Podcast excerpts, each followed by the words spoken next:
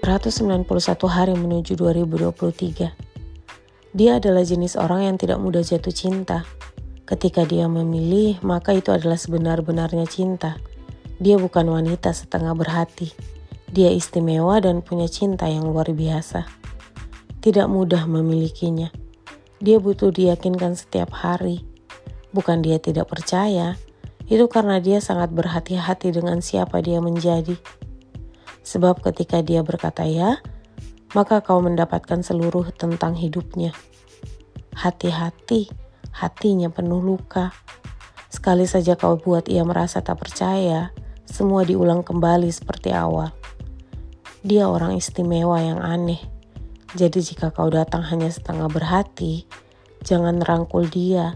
Dia berada di hidupnya, di mana hati dan cinta bukan untuk bercanda. She's a girl with small circle. She doesn't think she's popular but people know her. She's never been in any relationship before. She thinks it's because she's ugly but it's because she's independent and actually she doesn't need boyfriend. She's not pretty but not ugly.